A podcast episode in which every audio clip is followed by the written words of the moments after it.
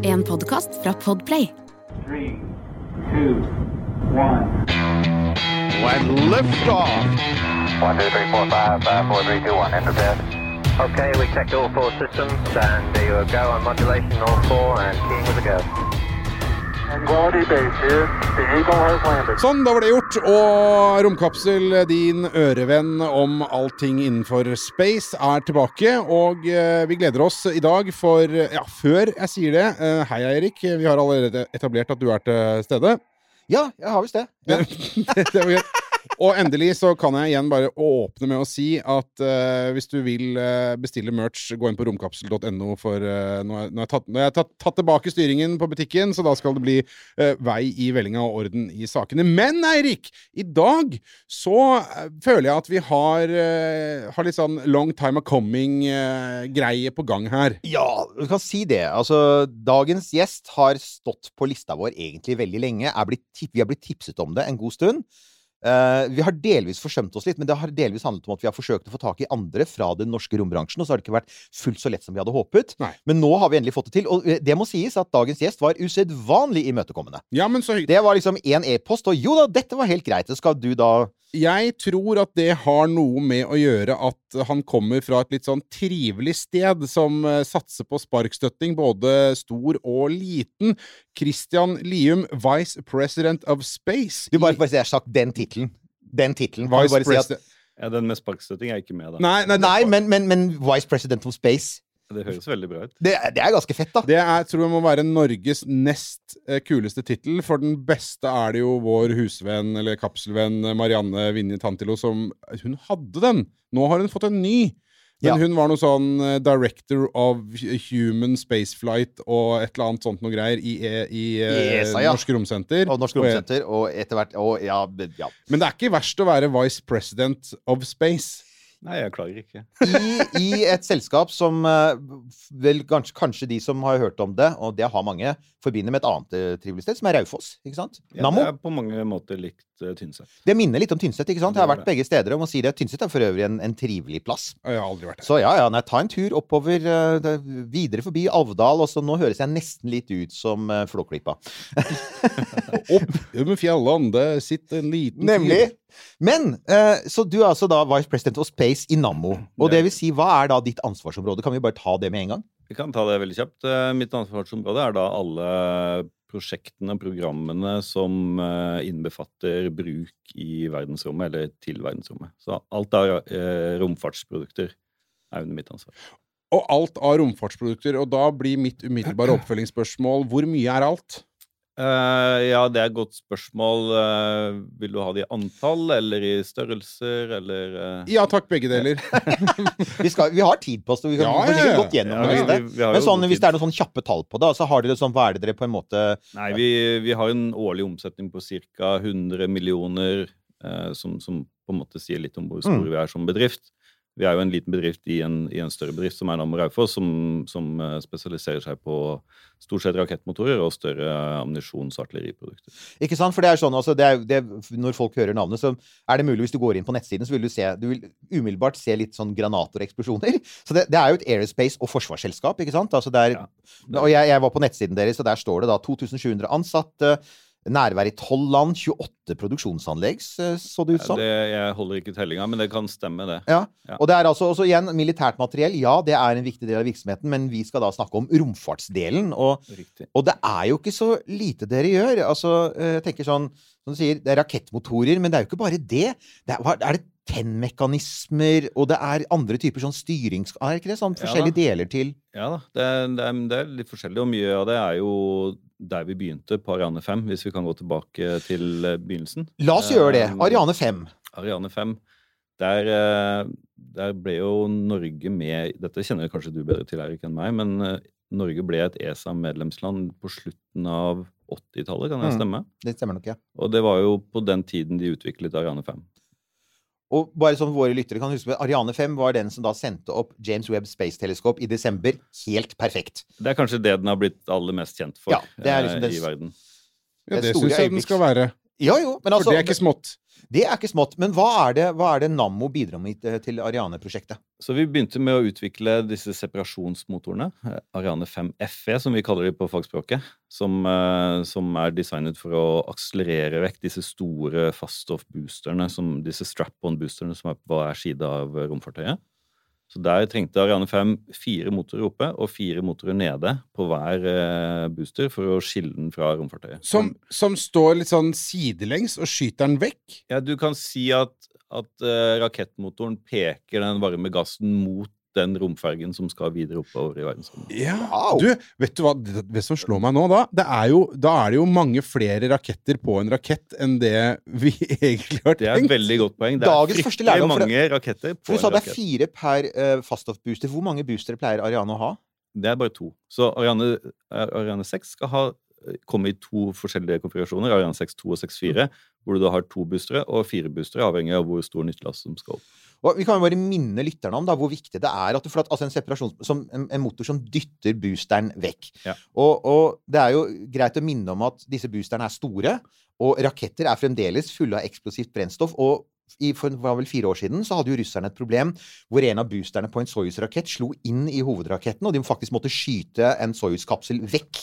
Ja. For, for, så så det er ikke, dette er ikke noen spøk. altså Man trenger disse. ikke sant? Dette er viktig Ja, dette er for sikkerheten av, av det som skal sendes om. At man får disse boosterne vekk så fort som mulig. ytterst viktig, og det må jo være presist, og det må jo tennes samtidig.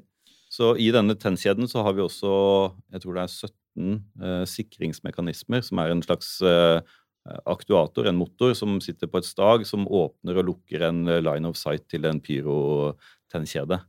Så de leverer da 17 av også på Ariane 5.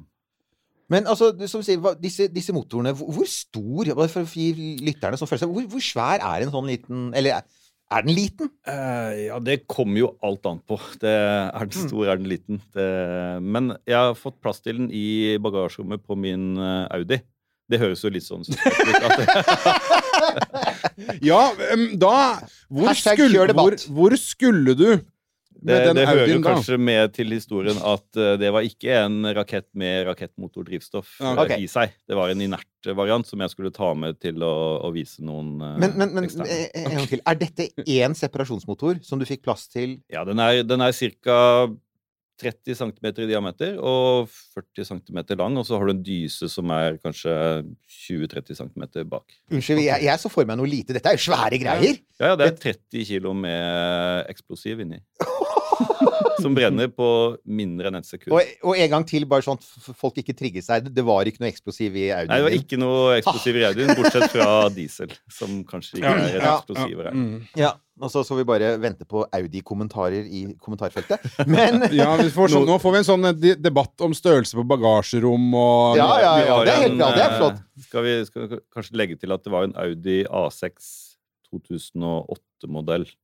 Der ser man. Ok, da, Stasjonsvogn. Mm. Sjelden brukt som sånn sammenligningsgrunnlag når man skal eh, Hva slags bil skal du ha? Hvor stort bagasjerom trenger du? Nei, i dette bagasjerommet får du plass til ganske mange sånne separasjonsraketter. I hvert fall én eller to. Ja. Ja. Ja. Men du, da, altså, hva slags rakettmotor snakker vi om? For det er jo mange typer eh, raketter. Du har faststoffmotorer, du har kaldgassmotorer, du har to typer flytende brennstoff og, og hybrid, som vi kommer til etter hvert. Men hva var dette? om. Nei, dette var en helt vanlig faststoff rakettmotor. Rett og slett. Så dette her er da en eller annen form for Altså, det er jo samme type motorer som vår venn Jack Parsons. Som Det var akkurat det Ja, jeg ja. satt og tenkte på, at vi har jo nettopp snakka om faststoffrakettens som far. Dere har venner jeg ikke har, eh, skjønner jeg. Ja, ja, ja. ja, ja, ja. ja den, den, den sendingen bør du høre på, for det handler litt om Det, er- det er faktisk litt av historikken bak faststoffmotorene deres, og den er helt fascinerende. Ja, Men- da, da, er det jo, da kunne det jo være mulig å spørre om hvordan julebordene på Nam Nammo Space Jeg tror de aller fleste som lager faststoffmotorer, ikke Om har det er eh, kap kapper og pentagram. Ja, og, og ofring av geiter, som faktisk var en del av utviklingen av, utviklingen av faststoffmotoren. Men for å komme tilbake til dere, da. eh, Så det er rett og slett et eh, Dette er altså et fast, fast brennstoff og oksidant som er altså blandet Ja, sammen så i en masse. Det beste, beste måten jeg kan forklare det på, er at uh, blandingen, når den er ferdig herdet, ser ut som, uh, og kjennes ut som viskelær. Ja. I stor grad. Så det, det er helt riktig. Du blander inn eh, oksidasjonsmiddelet inn i blandingen, og så legger du til en herder, og så stivner alt sammen. innen kanskje seks til åtte timer, og så må du forte deg og flytte miksebollen din på, på, med en trøkk til eh, støpestasjon, hvor du da støper disse motorene. Og, og da har du da en, så har du en tennmekanisme, og så, og så, og så starter raketten. ikke sant? Og, da, og jeg antar at det må tennes med veldig sånn høy presisjon i tid. ikke sant? For du har jo bare noen sånn tidels sekunder, så skal jo de vekk, de boosterne. Ja, du har ikke tidels sekunder engang. Du har, uh, du har millisekunder. Fra, fra signalet gis til rakettmotoren til den skal uh, Og da skal den tenne, ikke sant? Ja. Og det er jo interessant hvis du hadde, for at noen av disse, disse store rakettene med flytende brennstoff som har, som har eh, sånn kompressorer, Mm. eh, sånn turbokompressorer, de, de bruker jo litt tid på å starte opp, men dere må starte opp sånn, dere. Ja, ja, ja. Ja. Så, og det er jo hele poenget med disse separasjonsmotorene, at de må, de må tenne samtidig alle sammen for at uh, funksjon, funksjonen skal være der. Og da er det som du var inne på, da har du også et eget system for Er det dere som også da leverer dette TEN-systemet? Som, Vi leverer ikke hele TEN-systemet, vi leverer sikringsmekanismene til Akkurat. TEN-systemet. Så vi sørger for at hvis det går et TEN-signal før det skal gå, så stopper det i denne sikringsmekanismen. Da, da fortsetter ikke Det høres fornuftig ut. det, det høres veldig bra ut. det for høres slår meg at Hvis Ja. den liksom boosteren begynner å bikke rundt eller prøve å rive seg løs under Ja, nei, jeg, jeg ser. Mm. Og det er jo en av disse tingene som, vi, som er greit å huske på. For at vi, har det, vi får jo av og til følelsen at når en Ariane 5 da, flyr opp, så ser det jo Det ser jo så greit ut. Liksom, den flyr opp, og så Ja, faller ting riktig. av når de skal. Men for at det skal skje uten at du får eh, eksplosjoner, så er det utrolig mye sånn detaljarbeid og styringsmekanismer og, og kontrollprogrammer som skal trigges til akkurat riktig tidspunkt og slike ting. sant? Helt klart. helt klart. Det er en serie med hendelser som skal skje i, i riktig sekvens for at uh, det her skal gå bra. Space is hard, Eirik. Space is hard. Det er det, men det er greit å minne om alle de tingene som for å si, Ja, det er vanskelig å reise til Mars, vet du, for det er vanskelig å få opp en rakett med faste boostere. Det er det sånn. Men, men som, som sier, så har dere altså da fått uh, kontrakt på separasjonsraketter til Ariane 6, som da er oppfølgeren til Ariane 5. Ja.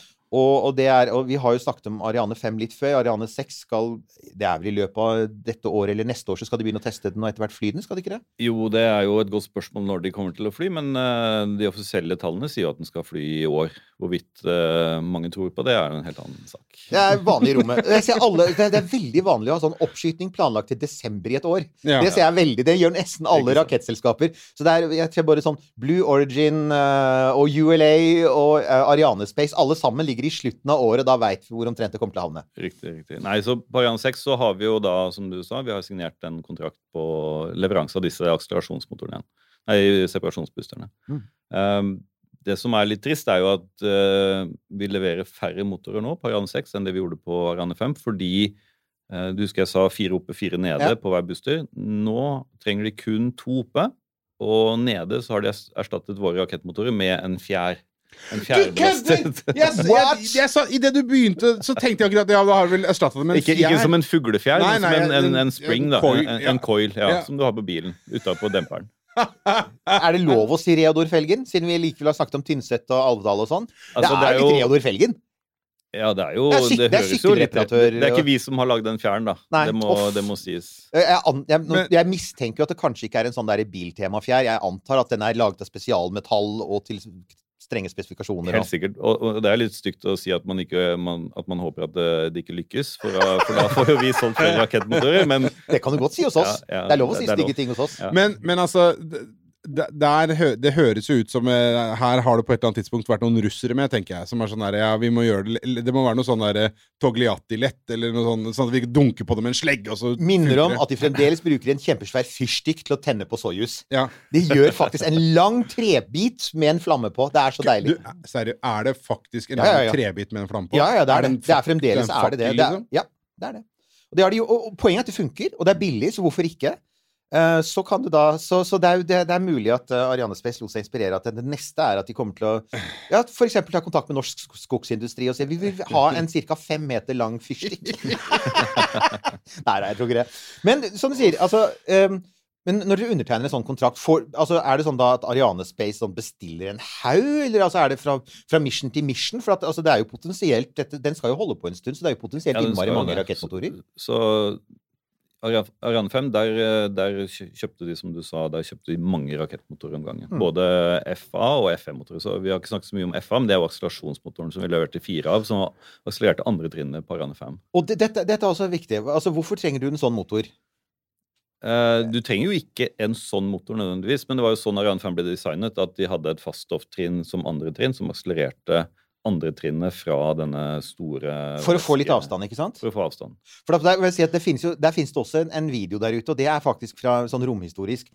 Uh, Falcon 1, uh, det, da, det, da SpaceX drev og bygde Falcon 1-rakettene På en av de oppskytingene så hadde de ikke det. Så da hadde de et, andre, det første trinnet hadde fremdeles litt gass igjen. Og du kan faktisk se på filmen at det slår opp i andre trinnet. Og, og, og, og dunker til motoren og ødelegger og sørger for at, at mission Så de skulle jo hatt en sånn, ikke sant? De skulle Ja, hatt en motor som altså dro andre trinnet vekk fra første trinnet, sånn at selv om det var litt gass igjen, så fikk du ikke den der dunkeeffekten. Akkurat. Så eh, altså, her, her har vi enda en rakett, altså, som, som er ekstra er- I tillegg til rakettene vi måtte visste om. Det er Ja en da. som bare skyver andretrinnet litt unna før boosteren der starter. I sånn 14 sekunder eller noe sånt. nå. Er det samme type motor og teknologi, eller er det noe helt annet? Den er omtrent like stor. Dysen ser litt annerledes ut. Den er vinklet skrått, sånn at uh, den varme gassen kommer litt vekk, uh, skrått vekk fra romraketten. Men ellers er den egentlig mer eller mindre identisk. Du, det, det brennstoffet som sier som altså ser ut som viskelære, som støpes, hvor er det det Hvor, hvor gjør man dette? Det lages av smarte kjemikere på Raufoss. Så på Raufoss er det altså noen som har som jobb sånn eh, rakett, eh, rocket fuel-støper? Altså, Vi har er både rakettforskere og rocket fuel-forskere. Er deilig. Det er mye, det er mye gøye titler eh, oppover der, Ja. tenker jeg. Ja, Men da, og det er en sånn liten påminnelse. Vi vet at eh, en god del av dere som hører på, er jo sånn som dere vurderer litt om dere har lyst til å jobbe i space. Mm. Her, eh, Det bare minner om hvor svær rombransjen er. Altså, ja, ja, selvfølgelig noen skal kanskje en dag få lov til å gå på Mars. Men de aller fleste kommer jo til å jobbe med andre ting, og veldig mange av de tingene er kule. Og for meg så høres det altså å mikse rakettbrennstoff og støpe det Nei, det, det har du nerver til det, Eirik. Ja, det er en annen ting. Det- Sånn skjelvende hender, vet du. Og, og så var det et Er eller annet med å bake brød, da? Ja, vet du. Det er jeg. Jeg lager en, du har det jeg lager en rå pizzadeig. Just saying. Jeg, altså All my attempts at baking fail. Mhm. Eh, det får jeg ikke til. Eh, jeg kan lage mat, men baking Alt blir murstein. Kanskje du er bedre til å tenne på raketten? Da. Tenne på raketten kan det hende at jeg er flinkere til. Men det som slo meg nå, at eh, jeg vil anta at de folka som blander en del av dette drivstoffet, de har grei sikkerhetsklarering. Ja, det vil man tro. Altså, jeg, jeg, jeg kan ikke si noe annet enn at jeg bor jo nesten på Grünerløkka, så jeg har jo sykkel og er på fornavn med, med surdeigen min. Men, men det, det, det kan være et sted altså, eventuelt å rekruttere sånn støpere, da. For det er jo ingenting forskjellig fra en mikser som lager rakettmotordrivstoff, og som lager eh, store bolledeiger. Fas, fascinerende. Nå- Det er det. Må vi ikke sette for mange griller i Nei, det vi på folk her? Nei, nei, nei.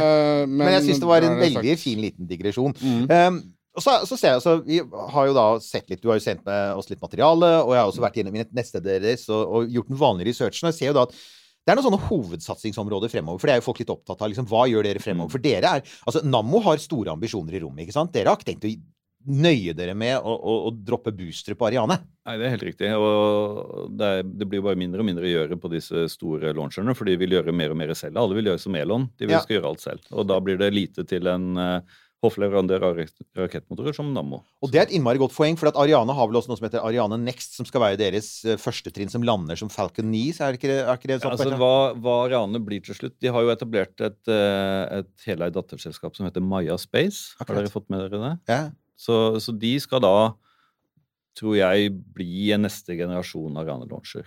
Det er, det er min personlige mening. Ikke sant? Og der er jo målet er jo for alle er jo etter hvert å ikke droppe ting som Men gjenbruke alt. Ja, så da skal vi bruke disse Prometheus-motorene sine som de har utviklet i en årrekke nå, på, på, på første og andre trinnet. Mm. Og de skal gjenbruke begge trinnene. Og da er det klart at da blir den forretningsmodellen med å lage disse separasjons- og akselerasjonsmotorene, den vil jo da etter hvert forsvinne. Ja, det vil ikke være behov for det på de rakettene. Ikke sant? Så det, så, så det er derfor dere også tenker at ok, hva annet er det å gjøre der ute? Og Mm. for eksempel sånn som dette her med uh, ja, altså Det er jo en rakett som Vi snakker mye om eh, Ariane, men det finnes en rakett som heter Vega. Ja, det er riktig. Det må vi snakke litt om. Det er, altså, det er også Ariane Space, er det ikke det, som, som lager den? Nei, altså det er Avio som er lead på å lage raketten, Akkurat. men de selger den til Ariane Space, selger som den selger nyttelastkapasiteten og, og sørger for uh, alt som skjer i Koro, og skjer, uh, skjer på riktig måte. For den skytes opp igjen fra, fra Koro, altså Ja. franske Guyana. Ja. Eh, og, og den da Den har mindre løftekapasitet, så den er liksom tilpasset litt annet marked, er det ikke sånn? Ja, Vega den har vel ett og et halvt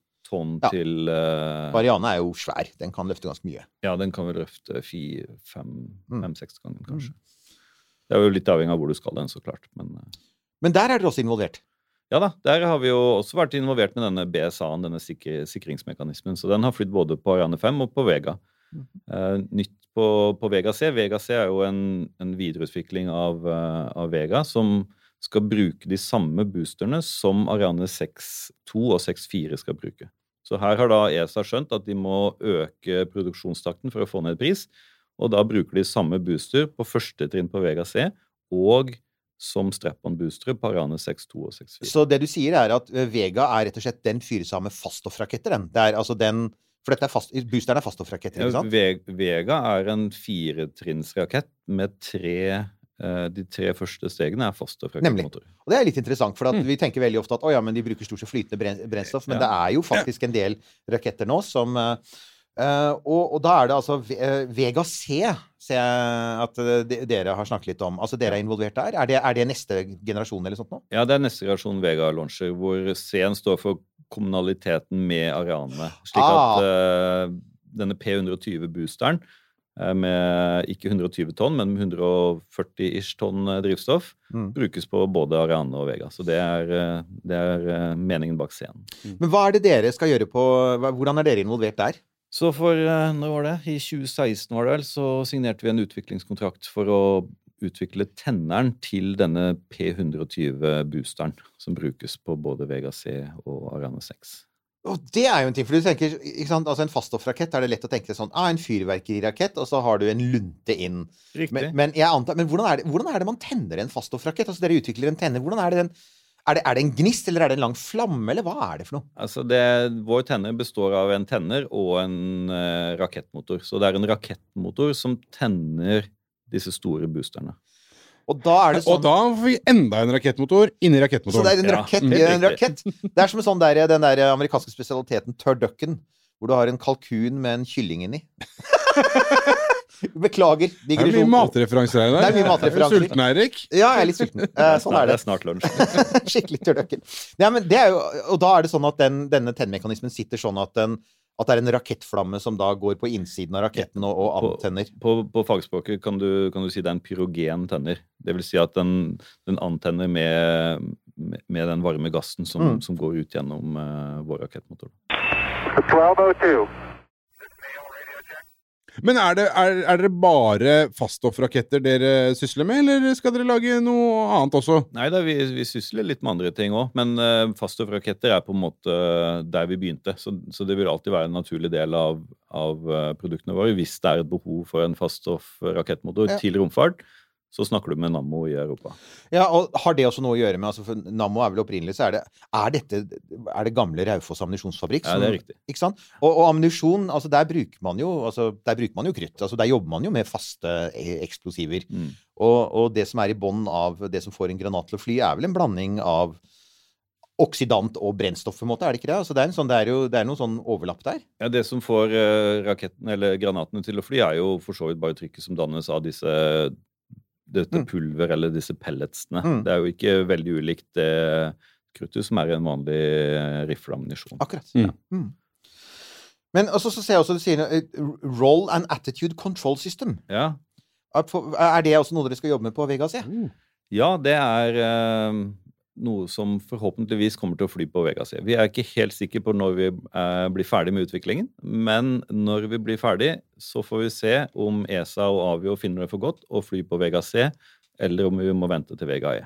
For dette skal være et uh, erstatningssystem for det eksisterende hydrasinsystemet som flyr på Vega. Ja, og, her, for, altså, og, og, der ser en, ikke sant altså, Våre lyttere veit jo, men når du skal styre ting i rommet, så trenger du gjerne en rakettflamme. Du, noe, du kan ikke bruke noen vinger eller propeller.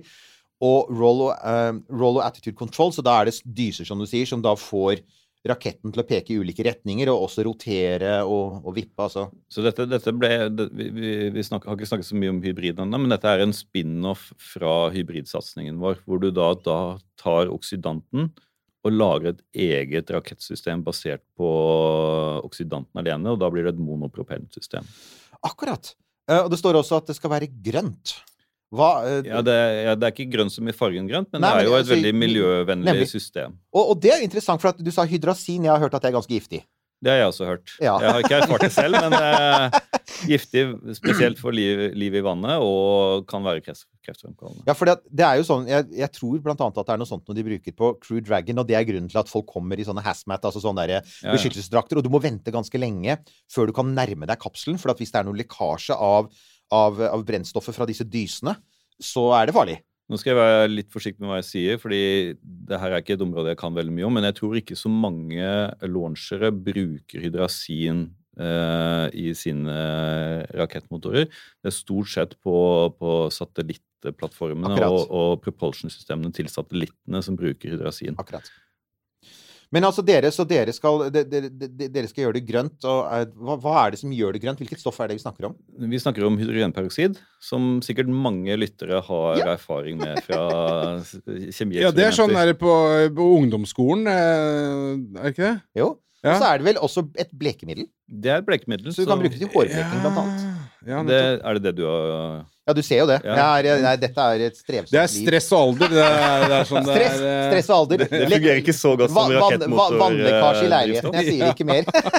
Du trenger det er bedre enn hydrogenperoksid. Ja. Ja, akkurat. Så det er, det er da um, Og det er da det som skal brukes som som du sier, monopropellen, så du har ikke noe annet i denne, denne eh, rakettmotoren eller i disse dysene enn Så, så, så oksidanten er drivstoffet. eh, Men hvordan er det det fungerer? Altså, du tenker vanligvis at du må ha oksidanten leverer oksygen, og så er det noe den skal brenne som driver Hvordan er det da, liksom, Hva er det som får gassen til å fare ut og Ja, ja, gi deg Newtons tredje lov, liksom? godt spørsmål. Fordi systemet, hvis vi skal prøve å beskrive det for, for de av lytterne som ikke har sett eh, illustrasjonen, så er det en drivstofftank som er en kombinert trykk- og drivstofftank som lages, utvikles på Raufoss, basert på eh, teknologien som eh, er med på å forme disse trykkskallene til Ariane 5 eh, FE og FA og Mhm. Ariane 6 DR.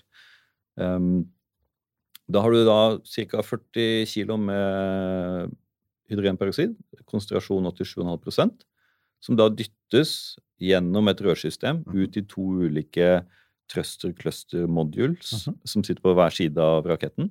Hver av disse modulene har tre thrustere som peker i hver sin retning, som da skal sørge for at raketten fra den skytes opp i Fransk Guyana til satellitten er posisjonert i bane, skal sørge for riktig roll og attityd på, på hele romraketten. Så det er en veldig, veldig kritisk eh, Ekstremt. For det, komponent. ja, for det, altså, det, det, er jo, man, det er jo lett å glemme det, men når du skyter opp en rakett, så har du noe som er langt og tynt, og all kraften kommer i én ende. Det er som å balansere et kosteskaft i håndflata, ikke sant? Mm, mm. Så, så, så du skal ikke ha mye avvik fra den retningen du vil, før raketten virkelig kommer feil av gårde.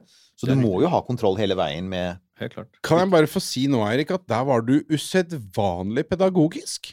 Den, jeg skjønner, altså, kos, Balansere kosteskaft i håndflaten, den, den, den likte jeg veldig godt. Jeg bare hadde sagt. Den er nok ikke sånn 100% fysisk korrekt eh, analogi, men eh, godt poeng. Mm, jeg, jeg skjønte jeg, jeg som sitter på siden her, skjønte det Ja. og, for, og forstår det. Fordi på de eh, posisjonerings... Altså styre, hvis man kan kalle det styringssystemene, da. Der, når man har kommet opp, så trenger, trenger man jo bare trykk. Det er jo ikke sånn at man trenger noe Det er riktig. boost. Noe voldsom boost. Og så er det ikke så mye luft oppi der heller, Nei, nei, som man kan uh, Ikke sant, du kan ikke bruke det. bruke til finne, utvendige finner. Nei, nettopp. Så, så aer- aerodynamiske finner fungerer ikke så godt. Nei, det er helt uh, unødvendig. Og så, så ser jeg også at dere har jo altså dette her med sånn uh, Altså disse dysene som kan brukes til å styre ting. De kan jo brukes til å styre andre ting. Altså eh, satellitter, for eksempel. Altså, og, og når noe først er oppe i rommet For det jo du har, det, du har dette med de tingene som skal skytes opp i rommet, altså rakettene. Men når du først er oppe i rommet, så trenger du også styring og kontroll. Mm.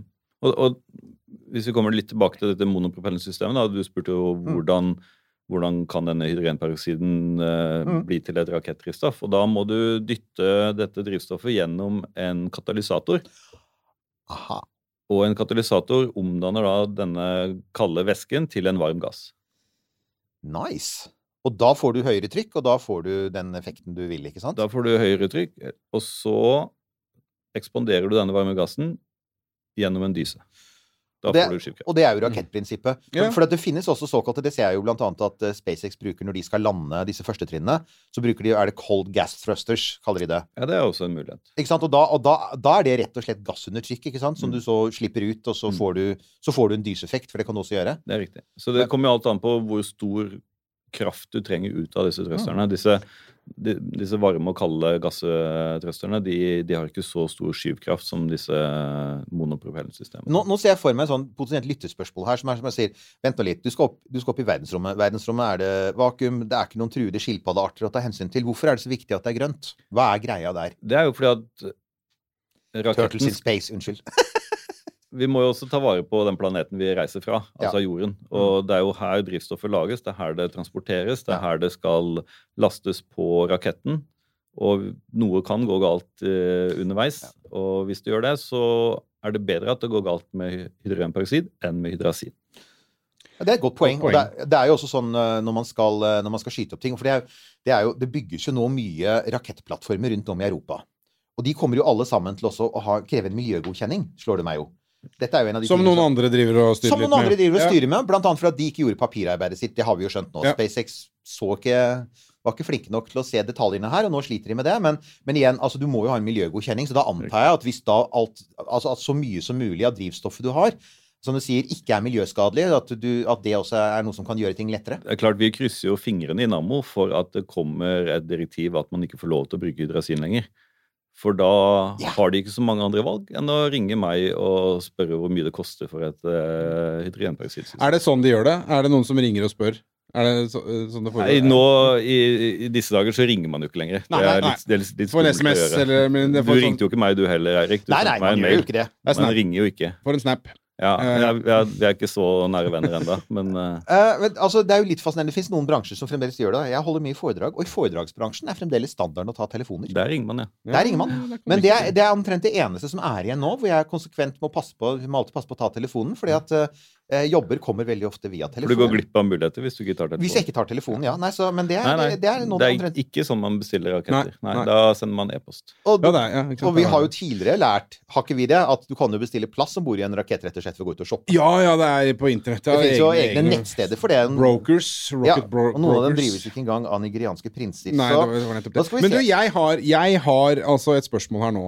Fordi eh, på eh, en, en ting er jo faststoffrakettene her, hvor altså når man først har fyrt av, så må man bare forvente at det går bra, eller Mm. håpe at det går bra. Mm. Men når du snakker om, om disse eh, monoboosterne og sånn, Ja. eh, så er det jo, uansett hvordan man vrir og vender på det, om man skal bruke det eh, på oppsida eller nedsida av, av måte atmosfæren, så er det jo eh, ting under veldig høyt trykk. Ikke sånn Ja, det kommer jo litt an på igjen hvor, eh, hva du mener med høyt trykk. Om det er mange, Ja, mange altså, tusen bar, eller ja, Nei, men uansett, det er, det er trykk som er høyt nok til at hvis det er lekk et sted, så blir det Ja da, trøbbel. Da. da, da blir det lekkasje. Litt sånn som du opplevde på, på, på stuegulvet ditt. Ja, ja, ja. eh, Men da er det trøbbel, ikke sant? Da blir det fort trøbbel, ja. Ja, og ganske heftig trøbbel. Eh, Så jeg tenker litt på når dere, skal, når dere bygger disse systemene, når dere setter det sammen, eh, hva slags eh, altså, sjekker og, og kontroller og sånne ting innebærer det? Ja, det, er, det er et godt spørsmål, fordi hvis noen eh, sender meg en e-post og ringer, eh, eller ikke ringer, eh, og spør hvor mye det her koster og Selve hardwaren er jo ikke så veldig dyr, og det å lage produktet er ikke så veldig dyrt, men det er jo alle disse sjekkene, som du Ja. sier. Ja. Sertifiseringa Ja, alle disse lekkasjetestene, Mm. de, de ikke-destruktive testene som man må gjøre for å forsikre at produktet er eh, skikket til å brukes. Det er det som koster penger. mm, Få det space Hva er det heter for noe? Det, det, Ja, space rated eller Space space, rated. rated, ja. Ja, altså, Ja. Og det er jo noe igjen med at, at det, det er jo Vi har jo ikke nevnt det, men alle disse rakettene Raketten er ofte noe av det billigste. fordi at det som skal fraktes, kan jo ofte koste milliarder. altså hvis det en, James Webb er jo et godt eksempel. Hva sa du? James Webb-teleskopet er jo et veldig Ja, veldig godt eksempel, for der hadde du en ding som i praksis kosta 10 milliarder dollar. Og da blir faktisk rakettoppskytingen på noen hundre millioner dollar er da liksom en pølse i slaktetida. Og, og da, da er det jo desto viktigere. Da, da behøver du ikke å renonsere. Det er en annen ting at du bør ikke si sånn ja, kan vi, Skal vi kutte prisen ytterligere ved å gå for han der nigerianske prinsen? Vi kan faktisk unne oss å ha alle disse sjekkene, fordi at i det store regnestykket så ender, så ender eh, faktisk Ariane 5 så dyr som den er, og den er en relativt dyr launcher sammenlignet med visse andre, men allikevel altså, er det bare noen få prosent av totalbudsjettet. Mm. Sant? Men vi var, jo, vi var jo innom dette her eh, i, i eh, detaljerte eh, former med Hamran for en tid tilbake, i forbindelse med byggingen av, av Og sertifisering, ja. Og sertifisering. Kan du si litt om den prosessen der, da, som du var inne på? Dette her med at når, okay, når dere har et fysisk produkt, det er ferdig bygget, og så skal det da gjennom ei mølle, Mm. som er ganske omfattende og tidkrevende, vil jeg anta. Ja, det, det begynner jo allerede på det stadiet. Også, det gjelder jo både faststoffraketter og disse trøsterne og monopropellsystemene, så klart. Men det er jo, det er jo et, et mangfold av ting. Ultralyd, røntgen, eh, penetrant, eh, magnetpulverinspeksjon. Penetrant, unnskyld. Det var, var, Ja, nei, Dette er ikke min, eh, Nei, nei. min kjernekompetanse, men det er eh, en, eh, en mekanisme som sørger for om det er eh, sprekker i strukturen. og så videre. Akkurat. Ja. Og da er det, er det, da er det sånn at uh, da har dere på, i deres produksjonslokaler på f.eks. Raufoss, da, så er det, kommer det representanter fra ESA og NASA og sjekker at uh, alt er på stell, og at Ja, eh, men al- Kunden er alltid invitert når vi gjør denne sluttmontasjen og inspeksjon av hardware før det sendes. og da, da stiller vi all dokumentasjon til rådighet, slik at de kan gå gjennom og se at vi har gjort det sånn som vi skal gjøre det. Mm. Og når det sendes, sier du, eh, Mm. hvordan sendes det? Altså fra når det liksom blir Jeg antar at det blir pakka i en eller annen kasse, og så blir det satt inn på da en linjegodscontainer, eller hvordan, hvordan frakter man dette fra Raufoss til Franskiana? Eh, man eh, kan frakte det på to eh, ulike måter. Enten så putter man det på en lastebil, og så kjører man til f.eks. Göteborg eller en havn i Europa, Sør-Europa. Og så går det på en båt til Koro. Eller så flyr man det. Og man kan fly det? Man kan fly det. Ja, okay. Ja, du tenkte på det med at det er en litt sånn eksplosiv ting? Ja, jeg te altså, i og med at det er litt ja. sånn eh, Ikke ha litiumbatteriene dine i håndbagasjen typ, eh, på, Men, på, eh, på en kommersiell flight. Da. Men hvis vi kan risikere da å sitte på, på Norwegians rute DY 1438 på vei til, og så ligger det ned i lasterommet en sånn her eh, 30 kilo Viskelær-rakett fra, fra Nammo. Jeg tør påstå at Norwegian nok ikke har fløyet noen rakettmotorer fra. Nammo. Så det er nok ikke kommersielle flyvninger. Men du, så var det jo. Og, altså, eh, og du sa det jo også da vi maila sammen, at vi, vi må jo snakke om eh, Vi må snakke om månen. Det kan vi godt gjøre. vi, kan, jeg synes vi, vi, vi, må, vi må gjøre det. Vi må komme inn på månen her. Det, Kan jeg få lov til å stille deg et spørsmål? Ja. Uh, for å sjekke researchen din, da. Ja. Visste du at Nammo allerede har et produkt på månen? Nei, kom igjen. Tell. Israel forsøkte jo å lande på Bereshit, Mo- ja. Bereshit. Visste du at Nammo? UK, altså vår uh, søsterbedrift i, i England, hadde en rakettmotor, eller flere rakettmotorer på denne Bereshit? Det var ikke vår skyld at den uh, hadde en litt hard landing, men uh, ja. Det er en liten fun fact. Ja, Veldig morsomt. Og, og som du sier, altså, det er veldig greit at det ikke var deres skyld. Ja, hva hadde skjedd da? Eller hadde det skjedd noe da, hvis det på en måte hadde vært deres skyld? Hadde det fått noen konsekvenser eh, bakover for dere da, eller er det sånn Det Ja, er shit happens in space, liksom? Det er et godt spørsmål. Eh, Blitt dårlig stemning på Raufoss? eh. dårlig stemning, dårlig omdømme, kanskje. Ja, ja. Men det som er godt å tenke på, er altså et eller annet sted på månen, for den krasja jo på månen, ikke sant? Ja da.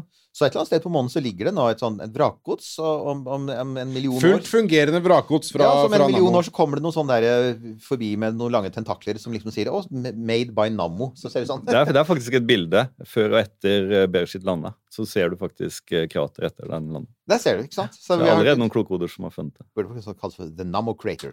Men ja. Eller men, altså, men, men vi skal jo tilbake til månen. Uh, og, Ja, og- forhåpentligvis. Ja, forhåpentligvis, ikke sant? Og da har vi Altså, vi er litt opptatt av akronymer. Vi har invitert Det- folk. Kan vi bare si det? Det er, ja, det er nå det Ja, ja, ja. Det er, for jeg hadde akkurat markert meg det samme. Ta for det at du. nå, nå, nå begynte jeg å Det var liksom nå det begynner. Det er nå det, Nå det begynner akronymkjøret. Ja, Akronymorgasmen kommer her. Og det er altså så mye. Det er Adras eh, J, det er SLOMV og Reliance, selvfølgelig, som er et akronym. Og, Reliance er kanskje altså, det beste. Det.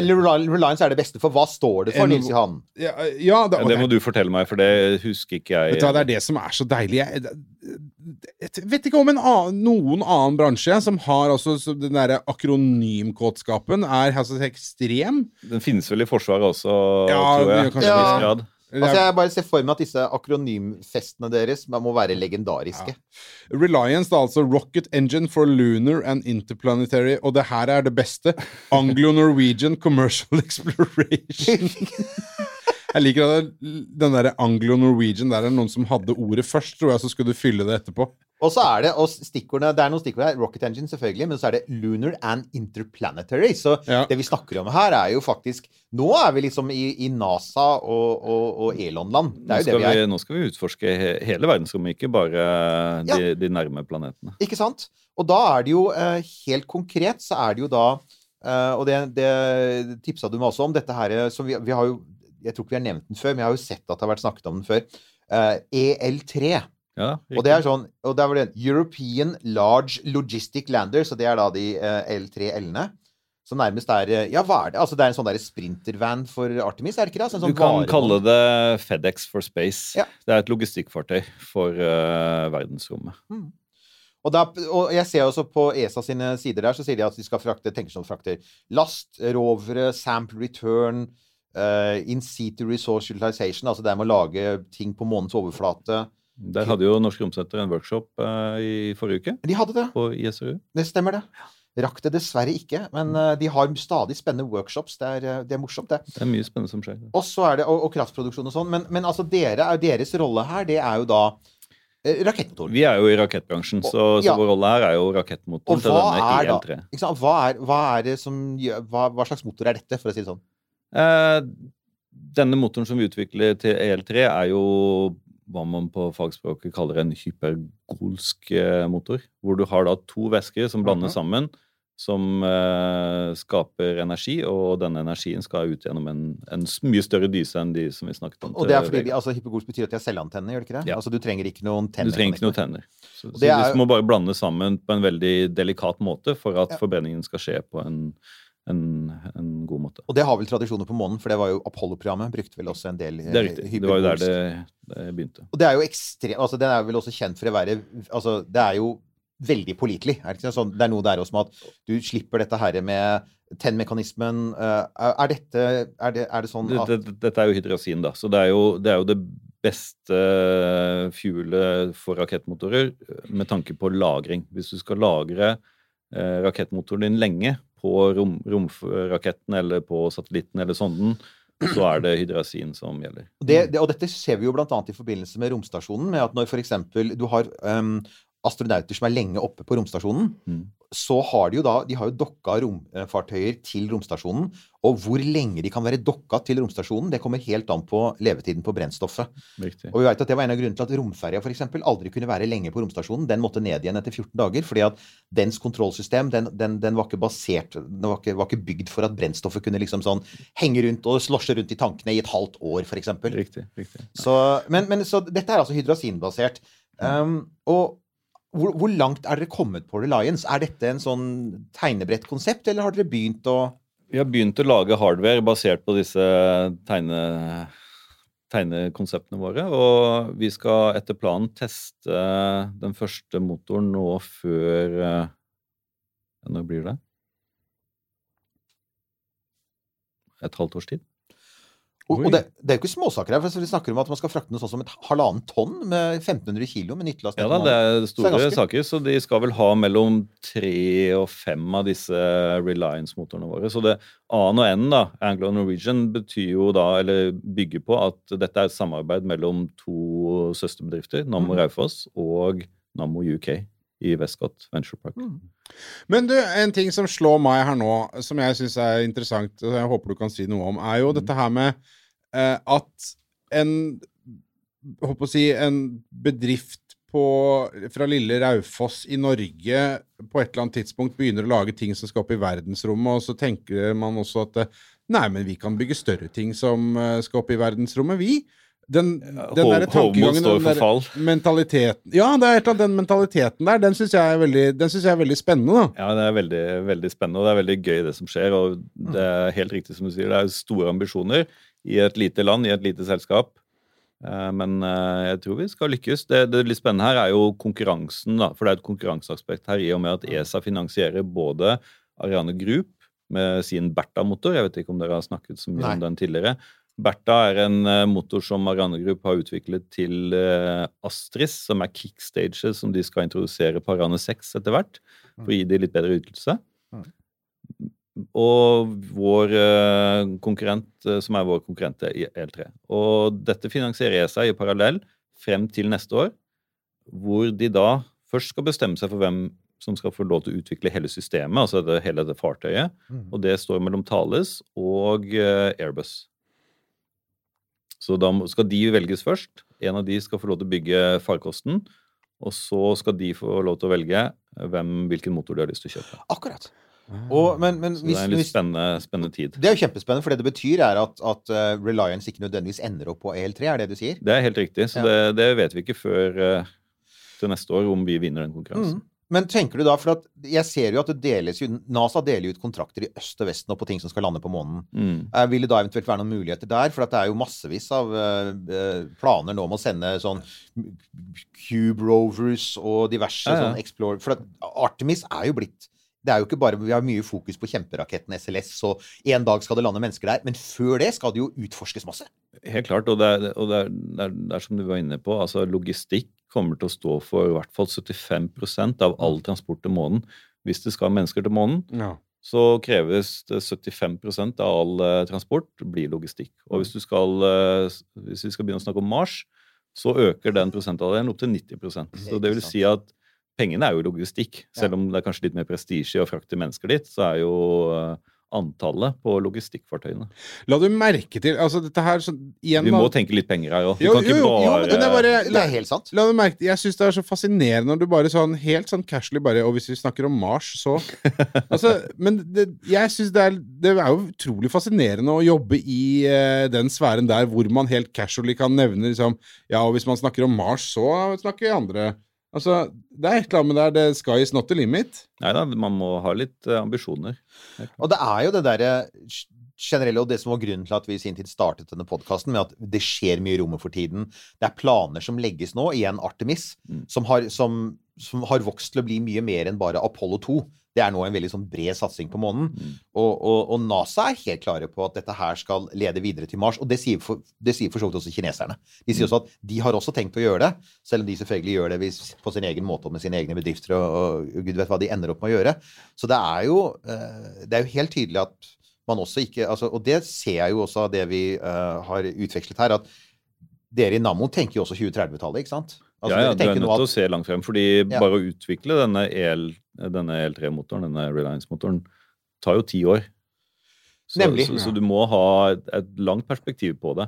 Så jeg ser jo det at det ser jeg også at ESA sier at her er ta, noe av tanken her er jo nettopp dette med eh, Hvis vi får baser på månen, så, så er det jo sånn at eh, månen har en natt som varer i 14 dager. Mm. Så du skal jo da holde astronauter i live i 14 dager gjennom månenatten. Mm. Så de kommer til å trenge jevnlige forsyninger. Det er, ikke, altså, det er lett å si ja, vi skal, vi skal basere oss på det vi kan lage på månen. Ja, men det tar fryktelig lang tid. Riktig. Og før det skjer, så må du jo sende ting jevnlig. Det må jo da gå i skytteltrafikk fra jorda. Det er jo det fine med, med dette monopropellent drivstoffet hydrogenperoksid, da, hvis man skal over, overleve månenatten. Fordi når hydrogenperoksid dekomponerer, så får du varme, Ja. du får vann, Ja. og du får oksygen. Det er jo tre ting du trenger for å overleve en, en lang natt, tenker jeg da. It's the space kinder egg. Ja, ja, ja, ja, det, har jeg, det har jeg ikke tenkt på før. Det, det var veldig Det bra. Det må dere bruke. Nei, men det er jo det, altså du, du, du Altså, det er nyttig uansett. Ja. Uansett om du får skutt det ut i andre enden, eller om det bare er der og, og liksom brytes ned, så er det, det er good stuff du har med deg. Det er jo, det er jo et innmari det, viktig poeng i det der med altså, hvor knappe marginene er i romfart. Som du sier, dette med at 90 er logistikk. Mm. Og hvis du tenker på at når en rakett går opp i bane sånn 75 er logistikk, da. Men, ja, men Ja, det månen, månen, ja. Ja, Mars er det ja, ja, 90 ikke sant? Og, og, og, og når, en, når en rakett går opp i bane, så er du, du er liksom heldig hvis 2% kan bli nyttelast. ikke sant? Altså 97-98% er gjerne ting som du da skal tilbake til jorda igjen på den ene eller andre måten. Så det er jo ekstremt knappe marginer på alt her, og jo lenger ut i solsystemet det blir, desto knappere blir det jo. Så, så å få dette her til å sånn ja, å få det til å gå rundt, da. eh, Å få det til å gå rundt sånn økonomisk også, det blir, det, blir, det blir interessant. Helt klart, og hvis man finner vann på månen og kan bruke det til å lage hydrogenperoksid etter hvert, så er det jo Så begynner man jo å snakke. Vi Det vil jo, det vil jo vært det, er jo interessant det du sier for det har jo vært en sånn diskusjon om det med at, no, at, at isen på månen Og den er jo der. Det er bare Spørsmålet er liksom hvordan den fins, da. Om Mm. den er Er den lett tilgjengelig? Ikke sant? Utvinnbar. Ja, er det svære sånne isklumper? Altså, vi, vi liker jo den derre For All Mankind. Ja, ja. Den, eh, jeg vet ikke om du har sett den serien på Apple TV? Den sånn, en, para, en alternativ historielinje hvor Er det den med russerne? Nemlig og- russerne ja, først på Jeg begynte å se på den, men jeg klarte ikke å se okay. den ferdig. nei, altså den har i hvert fall Der er jo Premisset der er at man ganske fort finner is på månen, Ja. og at den er mulig å utvinne. Og at det blir en sånn game changer, for at da får du drikkevann, og du får oksygen, og du får hydrogen. Mm. Og du kan jo da potensielt også lage brennstoff. Riktig. Både flytende oksygen og hydrogen, men også hydrogenperoksid. Og da har du jo veldig store muligheter, altså. Mm. Så det er jo um, For det er klart, slipper du å, å ta med deg fuelen fra jorda og Mm. kan lage den på månen, så, så kommer det jo mye lenger. 1202. Har du et enkeltpersonforetak eller en liten bedrift? Da er du sikkert lei av å høre meg snakke om hvor enkelt det er med kvitteringer og bilag i fiken, så vi eh, gir oss her, vi. Fordi vi liker enkelt. Fiken superenkelt regnskap. Nå lønner det seg å hamstre påskekosen hos Ark. Ark inviterer nemlig til påskefest med skremmende bra nyheter, pocket fra 99 og 40% på alle spill og puslespill. Ark-påske betyr rett og slett mye påske for pengene. Så fyll opp med påskens favoritter i nærmeste Ark-butikk eller på ark.no. Så er det jo da dette her med hybridmotorer. Vi må snakke litt Ja. om det. For at det, jeg husker det at det er en av de tingene når jeg hører om Og vi hører jo dessverre ikke så mye om Tenker bare Toyota, ja. Altså, sorry. Det er eh, hybrid. eh, Ja, ja, ja, ja, på hybrid. Ja. Um, og, og da er det jo eh, Altså, for å ta være litt sånn pedagogisk igjen. Vi har disse her, skal vi si, fire hovedtypene med motorer. Vi har faststoffmotorer, Ja. så separasjonsmotorene. Så har du bipropellent, altså hvor du har to forskjellige Reliance. Reliance, hvor du blander. Så har du monopropellent, og det var da hydrogenperoksid. Ja, riktig. Og så er da hybrid. Og hva er det som skiller hybrid fra disse tre andre? Um, vi kan si at hybrid skiller seg fra Det er jo basert på faststoffrakettmotorteknologi. Så det, det skiller seg fra en tradisjonell faststoffrakettmotor ved at du ikke inkluderer oksidanten i denne bolledeigen din, eller brøddeigen din, før du støper eh, fuelen. Så da støper du fuelen uten eh, oksygen. Fordi en vanlig faststoffrakettmotor, de fleste lyttere vet sikkert det, men, men der er jo oksygenet bakt inn, slik at raketten, rakettmotoren brenner helt til den ikke har mer drivstoff. Ja, for det er en uten, viktig uten ting med- tilførsel av oksygen. Og det er en viktig ting med faststoffmotorer, at når du først tenner på dem, så brenner de ferdig. ikke sant? Du, kan ikke, du kan ikke bare stoppe dem. Det er det gode Da, argumentet hvis du for prøver å stoppe den, så sier det pang, og så eksploderer den. Fordi trykket blir Og det er et veldig godt argument for flytende brennstoff, for der kan du bare stoppe tilførselen. Der har du ventiler som, stopper, Ja. som starter å stoppe tilførsel av både fuel og Og hva er det sånn hybrid gjør med dette?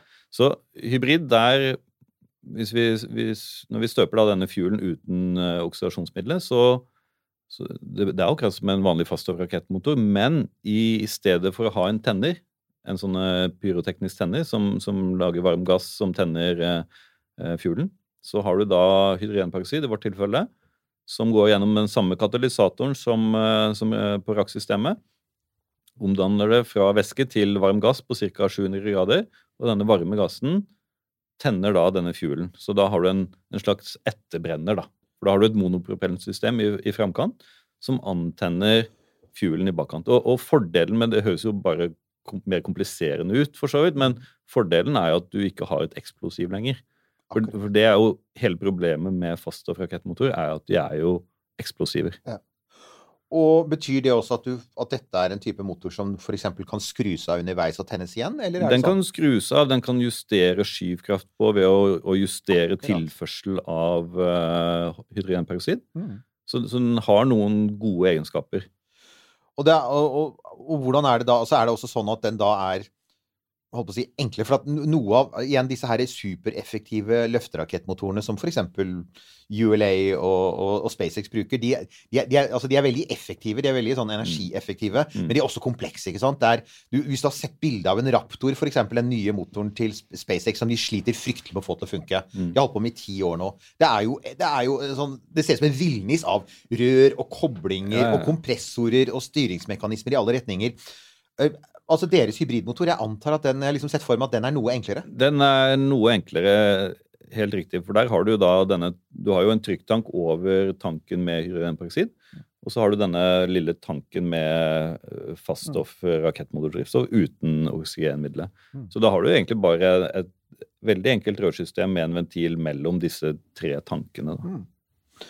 Men jeg antar da at en av grunnene til at man bygger disse her eh, rakettmot, altså sånn Ferrari-rakettmotorene til veldig høy kostnad og kompleksitet, er fordi du klarer liksom å skvise ut liksom siste lille biten av energi av brennstoffet ditt. Ja, og at du mister noe deg- effektivitet med disse litt enklere Helt klart. Du, vi, kan ikke, vi kan ikke konkurrere på ISP med disse kryogene væskemotorene. Ja. Ikke i det hele tatt. Eh, Og ISP, folkens, det er liksom sånn Det er ikke Internett Service Provider. Det er liksom gullstandarden for hvor effektive motorer er. ikke sant? Ja, Det er liksom hvor, hvor mye skivkraft du får ut av det. Og du ser at særlig igjen, særlig SpaceX er veldig opptatt av å snakke om ISP-en i motorene sine, og det er ULA også. Så hydrogen-oksygenmotorer er sånn veldig høy uh, skivkraft i forhold til liksom hvor mye brennstoff du bruker. Men de er også utrolig komplekse. Og, Komplekse og, og, og dyre. Veldig dyre, ja. Så, så det er jo ulempen. Men det er klart, hvis du tenker på hva er det en, en, eh, en eh, rakett egentlig er, den skal jo frakte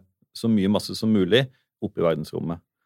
Og jo mer effektiv forbrenningen i raketten er, jo mer masse kan du få opp.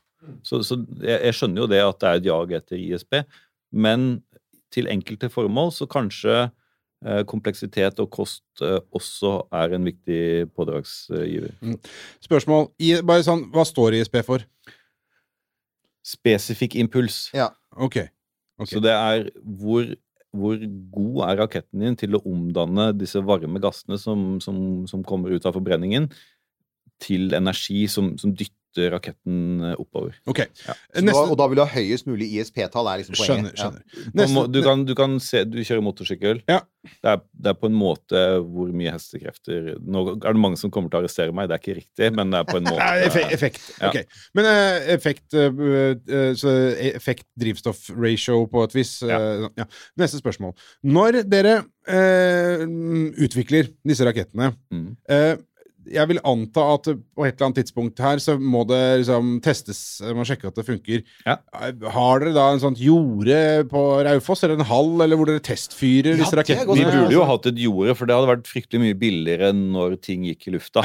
Ja. Så var det ikke så mye å bygge opp igjen. Altså liker jeg at du sier 'når ting gikk i lufta'. For det går i lufta. Ja, ja, ja. Men hvordan, hvordan, eh, hvor, hvordan foregår det? Hvor Vi har det? jo et helt eget eh, standalone testsenter på Raufoss, som Ja. er eh, utenfor bebyggelsen. Hvor vi tester alt, eh, alt vi produserer på Fullskala, eller? Fullskala, ja. Betyr det at av og til kan eh, raufossinger, raufossværinger, eller hva folk liker å kalle seg der, betyr betyr at de av og til da kan høre sånn brrr, Altså så sier de ah, ja, nei, det er bare Nammo som eh, skal til månen. Ja, det, Altså, det, kan vi det de kommenterer det? mer på, er når vi skal transportgodkjenne produktene våre. For da må okay. vi putte dem over et stort bål, og så skal det bålet brenne. Det er stort sett parafin som brukes, og det ryker jo noe vanvittig. Så um, det klager de litt over. Og Ja. så er det smellet fra artilleriammunisjon. Men de klager Ja. ikke så mye over romfart. Ja, det stemmer, det er artilleri tidligere. Ja, tillegg. ja, Ok, ja, greit. De har på en måte Oh, du, å herre fred. Du, Eirik. Tenk deg. Kan ikke vi eh, Kan ikke vi eh, Vi må ha et lite redaksjonsmøte eh, her etterpå. For det, hvis man kunne fått vært i nærheten når noe sånt fyres, testfyres, det kunne jo vært veldig gøy. det, altså, Vi blir stadig vekk bedt Ja. om å liksom, lage litt sånn ute på tur-reportasje, og det hadde vært gøy, da. Ja, Så bare si fra hvis dere noensinne har lyst til å Ja, vi, vi, vi, må, vi må godkjenne alle, alle besøkende, så hvis dere kommer gjennom nåløyet, så Ok, den vi det. Jeg vet ikke jeg, om du har noe grums i fortida di. Jeg vet det er noen sånn punkehistorie fra Rykken og noe greier. Jeg er fra, jeg er fra, jeg er fra Rykken i Bærum, og bare der har jeg ja, problemer. Ja. Det var nok derfor NASA sa nei til å la oss snakke med JPL. for sikkerhetsklarering, men uh, jeg, jeg vet at uh, jeg hadde i hvert fall uh, et par nivåer opp for noen år siden. Så Ja, jeg, jeg tror ikke nei, jeg har pådratt bra meg noe siden. Men, eh, men sånn for å vi, er, vi begynner å nærme oss Vi har snakket en stund nå, men vi må også si litt helt på slutten her. Og det er dette Altså, vi har disse hybridmotorene som dere selvfølgelig Altså, ja er, er det noen kunder dere har nå som faktisk bruker dem, eller, er det, eller har dere noe på gang der med, med hybridmotorene deres? Ja, vi har noe på gang. eh, Litt usikker på hvor mye jeg kan si der, men vi, vi snakker jo med Romsenteret og Andøya om å, å skyte opp flere sånne raketter. Eh, denne Nucleus-raketten som fløy i 2018. Ja, for Er det en sonderakett, er det ikke det? Det er en sonderakett, ja. Som da ikke går i bane, men som går høyt opp, og som gjør ja målinger så og lander igjen. Sonderaketter lander i havet igjen. Og så er det jo da uh, dette uh, som, som du, du også var interessert i og snakket litt om, dette er NVOL. Altså NVOL, ja. Ja, som er altså Igjen, Nils Johan. er fint uh, akronym. European New Space Vertical Orbital Launcher. Og så er det også et fransk ord, har jeg blitt fortalt. Envol, er det det? Ja, eller, eller ja, ja, ja, Det står for liftoff eller uh, noe oh, sånt noe. Også. Envol, ja. Og ja. For at ellers er det jo sånn at franskmennene liker å si at ja, nei, eh, vi, vi snur på dette her, vi, når det er eh, na, na, NASA heter Asan på fransk, ikke sant? Og okay. Nato er OTAN, eller hva søren. Ja, De liker sånn, så ja. Envol blir vel antagelig. Lovan eller sånt noe. Men ja. uansett! Dette er jo da uh, New Space, altså Europa Det, det veit vi jo at dette er jo um, ESA har jo en strategi på at de vil få i gang noe av det Altså mer av det i Europa som skjer i USA nå, ikke sant? Det er jo et lite romkappløp i Europa nå med, med disse mindre launcherne. RFA, Isar Aerospace, og britene har noe High Impulse og Ja. Orbex og Sp- Det er jo, det er Det er noe i Spania, er det også. er jo spennende, eh, og samtidig så er det klart at det er jo mange av disse selskapene som antagelig ikke kommer til å lykkes med det, for de fleste New Space-selskaper er som selskaper flest, altså de får det jo ikke til, men det er et marked der, og man, det, er, det er tydeligvis også man tror at det blir et marked for småsatellitter. Ja. For at NVOL Envol er ikke snakk om å sende opp folk i rommet, det er snakk om det er småsatellitter. Ja, her er det snakk om 200 kilo til Ja. eh, 600 km, så her er det snakk om mindre satellitter. ja. Og da er man i sånn type eh, Rocket Lab-land. Vi hadde jo en sending om Rocket Lab for ikke så lenge siden. De, er jo, de har jo vært der en god stund. Um, og, og da er det igjen da Hvordan er det man ser for seg at eh, hybridmotorene skal brukes her? Er, Så den hybridmotoren som vi snakket om, denne Nucleus, dette er jo en 30 30 kilonewton skyvkraft-rakettmotor. -hmm. For å kunne bruke denne teknologien på en, en uh, mikrolauncher, som, som mål er, så må vi lage en større versjon som yter ca. 100 kN. Og vi må clustre de sammen i seks eller syv i første trinn og én i andre trinn. så det du vil se da, er sånn seks-syv rør som på en måte er Uh, Altså, du har ikke én felles tank med Du har én felles tank med, med Hydrogenperoksid. hydrogenperoksid, og så har du syv ulike tanker med Eller Akkurat. motorer med fuel. Og så har du syv ulike dyser. Og, og da tenker jeg det, da, du, du nevnte Andøya. så er, er, tenker, man seg, tenker dere det også at, at Envol er en ting som kan gå opp fra Andøya, da? eller? Så, så Envol er da et EU-prosjekt som er finansiert av EU-kommisjonen. eh, hvor vi har fått 40 millioner kroner. Syv eller åtte selskaper. Ja. eh, hvor vi da har gått sammen for å se om kan den teknologien som vi bringer til, til bord, eh, brukes til å lage en mikrolauncher. Så da har vi eh, Vi har Airborne i Nederland, vi har CT i Paris, vi har Nammo på Raufoss Mm. og GKN i Sverige, blant annet. Og da kommer vi tilbake til det der igjen med at, at det, disse hybridmotorene, de er pålitelige, ikke sant? Altså det er, dette er, Ja, det, dette det, er jo igjen, det er jo fortsatt enklere enn Ja. en eh, væskemotor. Mye enklere eh, teknologisk. For altså, vi, vi vet jo at bl.a. Rocket Lab har slitt litt med dette her. De har slitt litt både med første og andre trinnet sitt i perioder. Og det er fordi de har jo faktisk laget i miniversjon en sånn komplette eh, oksygen- og, og, og parafinmotorer. Mm. Eh, og, Og, men når du snakker om de motorene, så, så snakker vi da om kryogene oksidasjonsbiler, altså flytende oksygen. Her- i, eh, Hydrogenperoksid er jo flytende ved romtemperatur, så det, der trenger du ikke å kjøle det ned. Så det gjør det jo mye enklere med tanke på ventiler også. og da kommer jeg til å tenke på en annen ting, for det, det, det snakkes det jo igjen altfor lite om, og det er jo infrastrukturen rundt selve oppskytingen. ikke sant? Altså, Mm. vi skal jo, det, for det, Du tenker ja, ja, den skal skytes opp fra Andøya. Jo, men hvis det er kryogen, så må det jo da faktisk være en tank for kryogent Ja, Altså, du for- må jo ha bakkeinfrastrukturen. Du må jo det, ikke sant? Så da må det være en tank for flytende oksygen på Andøya, og, og det skal jo da kjøres da i tankbiler. Mm. Og, og det gir seg vel egentlig selv. altså Vi veit jo at med kryogene eh, brennstoff og oksygen, så har du vel også boil-off. altså at Du kan ikke ha det stående for lenge, for at dette er jo iskaldt. Mm. Uh, men, men som du sier, hvis det er i romtemperatur, så er dette enklere å ha med å gjøre på alle klart, måter. det, det eneste som skjer når du uh, lagrer hydrogenperoksid lenge, er at det dekomponerer over tid, uansett hvor rent, eh, ren beholderen er, nesten. Så, så det har jo en viss levetid, men, eh, men innenfor eh, jeg vet ikke seks, seks måneder, et år kanskje, så kan Det, det, det, det, altså, Poenget med det er egentlig at når man, det, ofte når man ser den diskusjonen om romfart, f.eks. denne nye raketten til SpaceX, det er jo en rakett som kommer til å trenge hva er det for 4600 tonn med kryogent brennstoff og oksygen. Mm. Og da er det jo mange som har påpekt at logistikken rundt det er helt crazy. Altså Romferja brukte 730 tonn med kryogent brennstoff og flytende Ja, oksygen. Og, og her skal de altså mangedoble det. Og, og, og som påpekt, altså du må få det inn, og så skal du pumpe det inn fort, og så må du få den opp fort. For du har ikke noe særlig sånn Du har ikke mye lagringstid på dette her. Mm. Så det er jo uh, Igjen, logistikk er ikke veldig sexy, men det er utrolig viktig. Ja, det er he- helt en kritisk del av infrastrukturen. Og da tenker jeg at igjen at da kan du faktisk For det er jo ikke bare Andøya, det er jo snakk om å bygge uh, I Storbritannia er det i hvert fall to eller tre steder man nå driver og snakker om at man skal kanskje, kanskje, skyte opp rakett, hvor det er, det er bevilget penger. Ja, ja. Og da, det slår meg jo da at det kan være en konkurransefortrinn å si at vet du hva, hvis dere velger oss, så er det faktisk lettere å ha med oss å gjøre. For det vi trenger, er noe som Vi har denne faste biten, og det er, det er viskelær. Og så har vi hydrogenperoksid, som hvis dere går tom, så kan dere gå til den lokale frisøren, så kan hun sikkert hjelpe dere med det. Jeg, jeg håper ikke frisøren din bruker 87,5% for da hadde det ikke blitt igjen mye av det håret ditt. jeg hadde tenkt å komme med vits om at alle på Raufoss Ja, jeg var en gang og fikk bleika håret Ja, mitt. ja, ja, ja, Du var litt uheldig Ja, jeg var og brukte der. 87. Nei, må du da bare påpeke at det er- det er to menn i dette rommet som ikke har hår, og en som er helt hvit. Ja.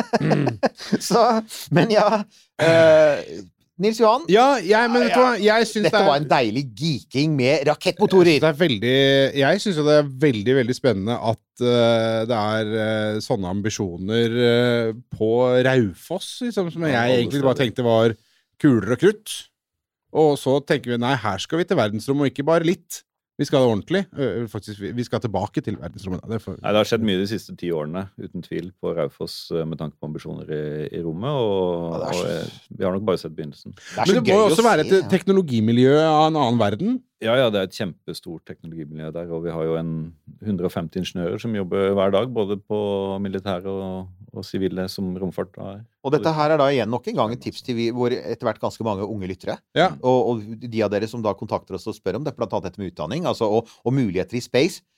Tenk litt bredere. Ikke bare tenk på at du vil være det første mennesket på månen. Bare tenk på hvor mange, utrolig mange kule jobber du kan lage eksploderende viskelær på Raufoss. Ja, og når du da ser Når du da eh, kult, da. kjører og, og ser eh, Hvis du er med på sommerferie, da, eksempel eh, nå eh, snart, når dette tas opp, eh, med familien, og kjører forbi en kjempestor sparkstøtting, så skal du tenke på Christian, og så skal tankene lede deg videre til Raufoss og, og, og Nammo Space, og, Mm. og mulighetene som, som ligger der. Mm. Så har vi tatt tankerekka klar. Men et, jeg har også et spørsmål. Ja. Eh, her, det, det må jo stilles, føler jeg. Eh, Christian Lium, Vice President of Space i Nammo. I og med at dere brancher ut med forskjellige typer motorer, det er faststoff, det er, eh, det er eh, flytende, det er eh, hydrogenperoksid, det er, det er hybridmotorer. Har dere vurdert å begynne å lage elbil? Nei, egentlig ikke. Nei. Nei, det er greit å holde seg innafor. Det er veldig få som har tenkt på den komboen, Nils Johan. Jeg lurer på om de har, er inne på noe. Nei, det er jo en som har den komboen, Ja, ja, ja. som har liksom fått det ganske mye da, innafor romfartsgreiene. Det er artig du spør, fordi vi lagde biler på Raufoss, og vi har lagd mopeder på Raufoss ganske lenge. Oh, ja. Så vi er ikke helt uh, Det er ikke fjernt for oss å lage Ting som går på jord. transportmidler eh, som går på jorden heller. Men, eh, Men jeg syns jo det, altså, Igjen, for å komme tilbake til dette med støping av fast brennstoff. Det varmer jo mitt hjerte at vi har denne kapasiteten i Norge fremdeles. ja. At det faktisk gjøres sånne ting. At, eh, at vi er, og at vi er og ikke minst at vi er med på dette her romeventyret som denne podkasten tross alt er viet til. For du har helt rett, det har skjedd mye de siste ti årene. Det er det det er. Altså, det har, du har hatt dette voldsomme løftet med alle de nye selskapene og alle disse nye mulighetene. Så vi, vi kommer til å følge med, eh, og, og vil gjerne ha deg tilbake igjen. Altså, for at vi, vi er jo ikke ferdig med å prate om dette. Jeg, jeg føler ikke vi har eh, snakket ut temaet ennå. Nei, på ingen måte, jeg er helt sikker på at jeg gjerne igjen. Supert, men da sier vi det. Vice President of Space, Christian Lium. Og så sier vi som vi pleier å gjøre på tampen her, vi er på de stedene der vi er. Det er eh, Eirik holder jo et eh, våkent øye på rom-Twitter, som altså er vanlig Twitter, men bare kanaler som er dedikert til eh, romting. Eh, og så er vi på Facebook, eh, Romkapsel der, og romkapsel.no. Gå dit Nå kan jeg si det med liksom åpne, åpne Nå og øyne igjen.